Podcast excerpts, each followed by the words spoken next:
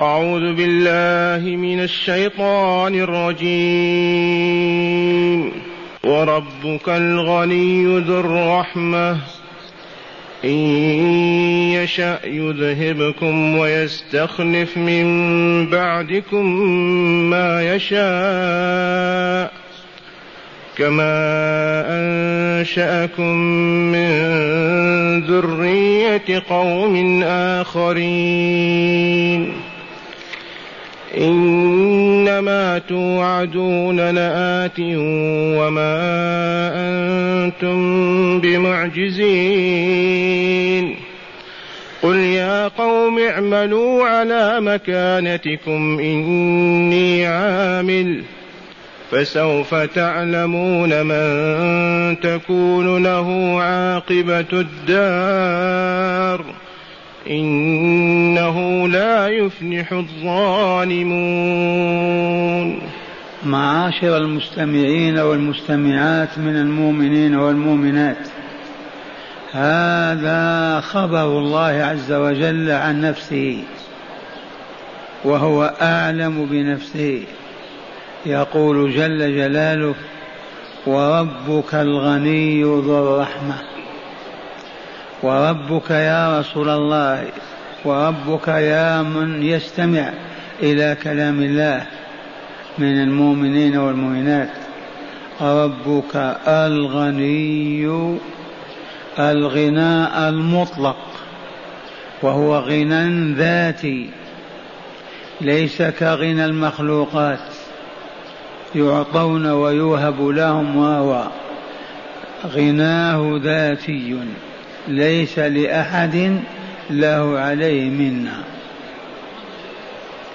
إذ هو خالق كل شيء وبيده ملكوت كل شيء. يحيي ويميت يعز ويذل يعطي ويمنع فغناه مطلق. وربك أيها المستمع الغني صاحب الرحمة. ذو بمعنى صاحب. هذه الرحمة الإلهية أخبرنا رسول الله صلى الله عليه وسلم أن الله قسمها مئة قسمة. ادخر عنده تسعا وتسعين قسمة وأنزل قسمة واحدة إلى الأرض. فالخليقة كلها تتراحم بها. حتى إن الفرس لا ترفع حافرها مخافة أن تطأ مهرها ومن أراد أن ينظر إلى ذلك بعين البصيرة والبصر ينظر إلى الدجاجة كيف تزق أفراخها كيف تشرح نفسها وتدخلهم تحتها. كيف تعلمهم نقر الحب؟ وأظهر من ذلك أن الدم القانئ الأحمر الخالص يتحول إلى لبن أبيض خالص في ضرع الأمة من النساء أو في ضرع الحيوان من الحيوانات. أليس هذا هو رحمة الله؟ وقد قال تعالى ورحمتي وسعت كل شيء والخليقة كلها تتراحم برحمة الله. هذا هو الله الذي يجب أن يحب ويجب أن يعبد ويجب أن يطاع ويجب أن نتحاب فيه. ونتوالى فيه. لا المخلوقات التي تموت وتفنى وهي أفقر ما تكون إلى الله عز وجل.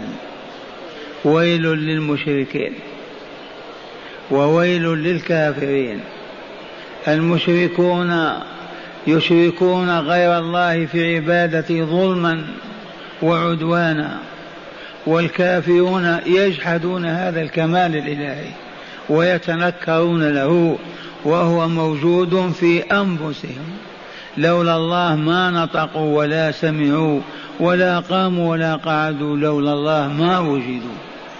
فكيف يكفرونه ويجحدون؟ وربك الغني ذو الرحمة إن يشأ ومشيئته خاصة به. لا سلطان لأحد عليها. إن يشأ يذهبكم أيها البشر. وإن كان الخطاب للمشركين والكافرين العادلين بربهم المعاندين الذين السياق معهم. إن يشاء يذهبكم نهاية. ويستخلف من بعدكم ما يشاء. لو شاء الله لقال للبشرية كلها الآن موتوا والله ما يبقى أحد. ثم تأكل الحيوانات تفنى ويأتي بخلق أعظم وأكمل وأحسن من هؤلاء.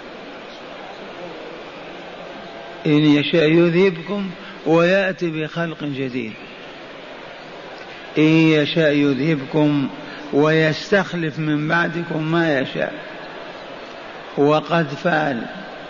مشركو مكة وعتاتها وطغاتها.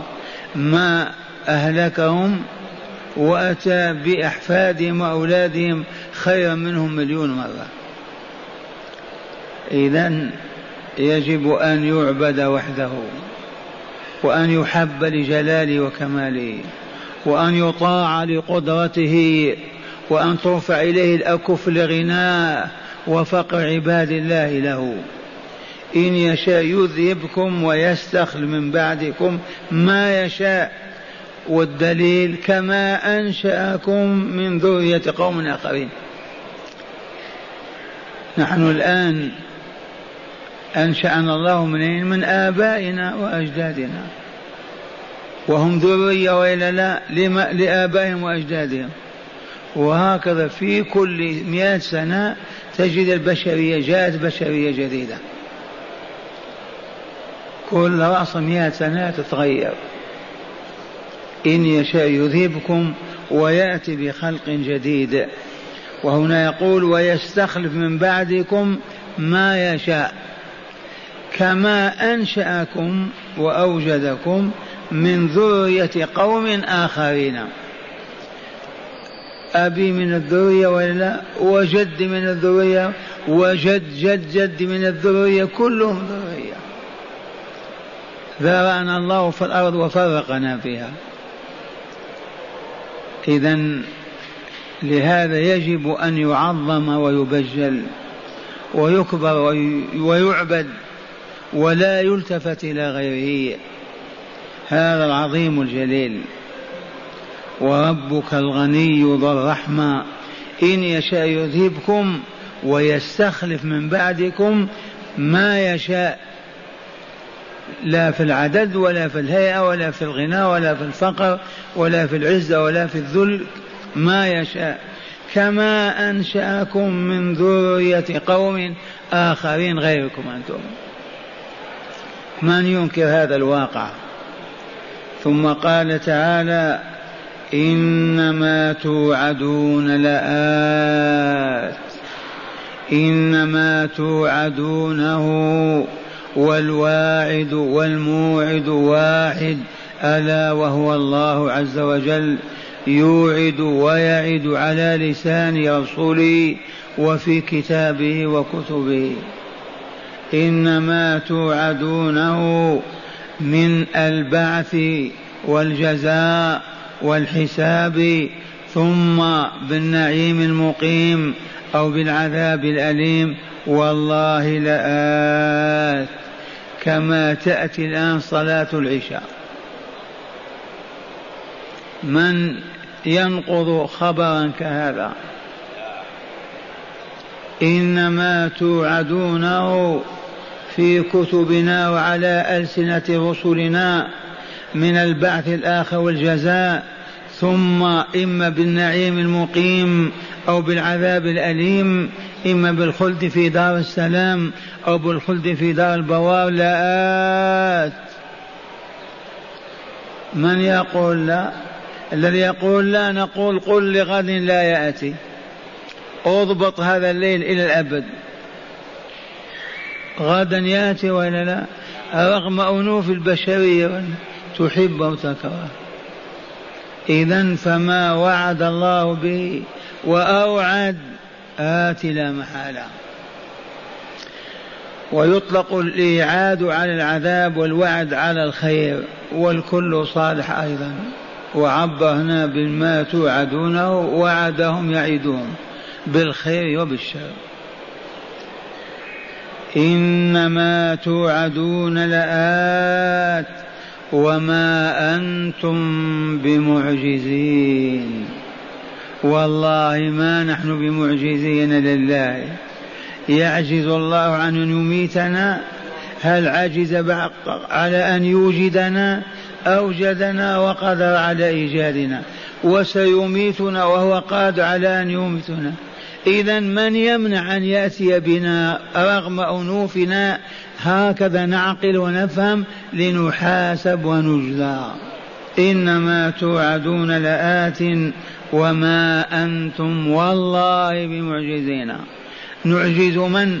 من يقول للشيء كن فيكون من رفع هذه السماوات الطباق وبسط هذه الأرض؟ من كوكب هذه الكواكب؟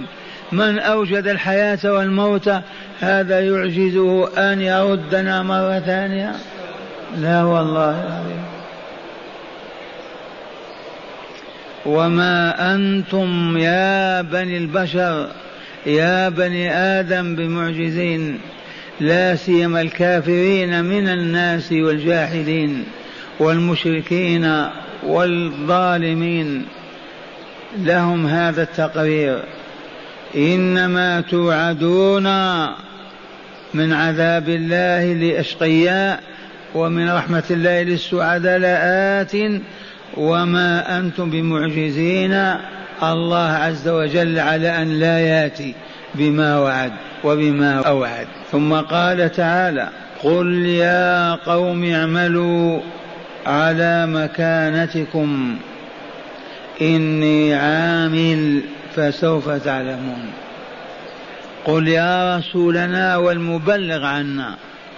لأولئك العادلين بنا غيرنا والمشركين بنا سوانا للمنكرين للبعث والجزاء والبعث الآخر قل يا قوم اعملوا على مكانتكم على وجودكم على داركم مركزكم حياتكم. اعملوا. وأنا عامل. ومن يغلب إني عامل. هكذا يقول تعالى لرسوله صلى الله عليه وسلم قل لهم يا قوم والنداء بلفظ يا قوم يرقق القلوب. لو قال اعمل قل يا أعداء الله اعملوا قل يا أهل النار اعملوا قل يا أهل الشرك والباطل ما يجدون في نفوسهم ما يستميلهم إلى أن يصغوا ويسمعوا يفرون ويهربون. لكن نداء بالقومية معقول ومقبول ويؤثر على النفس. يا قوم أنتم قومي وإلا لا؟ وهل يريد الرجل لقومه الهلاك؟ هل يريد لهم الأذى والشر؟ الجواب لا والله. فطرة البشر هذه. يا قوم اعملوا على مكانتكم مراكزكم ودعواكم وما أنتم عليه تدافعون من الشرك والباطل. اعملوا على مكانتكم. إني أنا عامل إني أنا عامل أيضا على نشر دعوة الحق والوقوف إلى جنبها ودعوة الناس إليها وسوف ترون من ينتصر. أنا أم أنتم؟ من انتصر؟ رسول الله صلى الله عليه وسلم. من انكسر وانهزم المشركون وتاهوا في متاهات عذاب الله. إني عامل فسوف تعملون فسوف تعلمون. ثم قال تعالى فسوف تعلمون ماذا؟ من تكون له عاقبة الدار. اعملوا إني عامل فسوف تعلمون من هو الذي تكون له عاقبة الدار الآخرة. بالجنة دار النعيم أو بالنار دار البوار والعذاب الأليم. اعملوا قل لهم يا قوم اعملوا. على مكانتكم إني عامل. فسوف تعلمون في يوم الأيام من تكون له عاقبة الدار. أي دار النعيم دار الجنة عاقبة من؟ عاقبة المتقين. ليست عاقبة المشركين والفاجرين. وسوف يعلمون هذا ولا والله كما نعلم الآن أننا موجودون في المسجد. من تكون له عاقبة الدار ثم ختم الآية بقوله إنه لا يفلح الظالمون. إذا عرفنا عاقبة الدار لمن تكون. للموحدين المؤمنين العابدين وإلا لا. ولن تكون ابدا للمشركين والكافرين الظالمين. لأن مالك الدار يدخل فيها من يحب إدخالهم. ويبعد عنها من يكره إدخالهم فيها. اذا الملك ملكه والجنة والنار هو بانيهما وموجدهما. إذا فسوف يدخل أولياءه الجنة دار النعيم ويدخل أعداءه النار دار البوار والجحيم. قل يا قوم اعملوا على مكانتكم إني عامل. فسوف تعلمون متى هذا؟ يوم القيامة. من تكون له عاقبة الدار؟ من هو؟ المؤمنون الموحدون العابدون لربهم المطيعون أصحاب الأرواح الزكية والنفوس الطاهرة الصافية هم الذين يدخلهم الجنة. وأما أهل الظلم والشر والشرك والفساد فمصيرهم دار الشقاء والبوار. نسمعكم الآيات من الكتاب. قال المؤلف غفر الله له ولكم ورحمه وإياكم معنى الآيات بعد تلك الدعوة إلى عبادة الله تعالى وتوحيده فيها وبيان جزاء من أقام بها ومن ضيعها في الدار الآخرة. بعد ذلك خاطب الرب تبارك وتعالى رسوله. أي محمدا صلى الله عليه وسلم. قائلا له وربك الغني ذو الرحمة. أي ربك الذي أمر عباده بطاعته ونهاهم عن معصيته هو الغني عنهم وليس في حاجة إليهم. بل هم الفقراء إليه المحتاجون إلى فضله ورحمته. المحتاجون إلى فضله ورحمته قد شملتهم أولهم وآخرهم ولم ولم تضق عن أحد منهم ليعلم أولئك العادلون بربهم الأصنام والأوثان ليعلموا أنه تعالى قادر على إذهابهم بإهلاكهم بالمرة والإتيان بقوم آخرين أطوع لله تعالى منهم وأكثر استجابة له منهم. إن يشاء يذهبكم ويستخلف من بعدكم ما يشاء كما أنشأكم من ذرية قوم آخرين. وليعلموا أن ما يوعدونه من البعث والحساب والجزاء لآت لا محالة وما أنتم بمعجزين الله تعالى ولا فائتيه بحال ولذا سوف يجزي كل ولذا سوف يجزي كلا بعمله خيرا كان أو شرا وهو على ذلك قدير. هذا ما دلت عليه الآيتان الأولى والثانية. أما الآية الثالثة فقد تضمنت أمر الله تعالى للرسول صلى الله عليه وسلم أن يقول للمشركين من قومه وهم كفار قريش بمكة يقول لهم اعملوا على مكانتكم أي ما دمتم مصرين على الكفر والشرك إني عامل على مكانتي. فسوف تعلمون من تكون له عاقبة دار الآخرة وهي الجنة دار السلام. أنا أم أنتم؟ مع العلم أن الظالمين لا يفلحون بالنجاة من النار ودخول الجنة. ولا شك أنكم أنتم الظالمون بكفركم بالله تعالى وشرككم به. هداية الآيات. المستنبطة منها. قال هداية الآيات. من هداية الآيات أولا تقرير غنى الله المطلق عن سائر خلقه. ولا يظن أحدا يشك في هذا. غنى الله المطلق عن سائر خلقه. لا الملائكة ولا الجن ولا الإنس ولا غيرهم. إذ كان الله ولم يكن شيء غيره. فغناه ذاتي. الآية قررت هذا المعنى وإلا لا؟ ماذا قال تعالى؟ وربك الغني ذو الرحمة. ثانيا بيان قدرة الله تعالى على إذهاب الخلق كلهم والإتيان بآخرين غيرهم. والله إنه على ذلك لقادر. والمثال ما تنسوا كل مئة سنة تأتي بشرية أخرى. أين تذهب الأولى؟ كيف جاءت؟ كيف ذهبت عملية متكررة كل مئة سنة. إذا بيان قدرة الله تعالى على إذهاب الخلق كلهم والإتيان بآخرين من غيرهم. دل على هذا قوله تعالى إن يشاء يذهبكم ويأتي بآخرين. ثالثا صدق وعد الله تعالى وعدم تخلفه.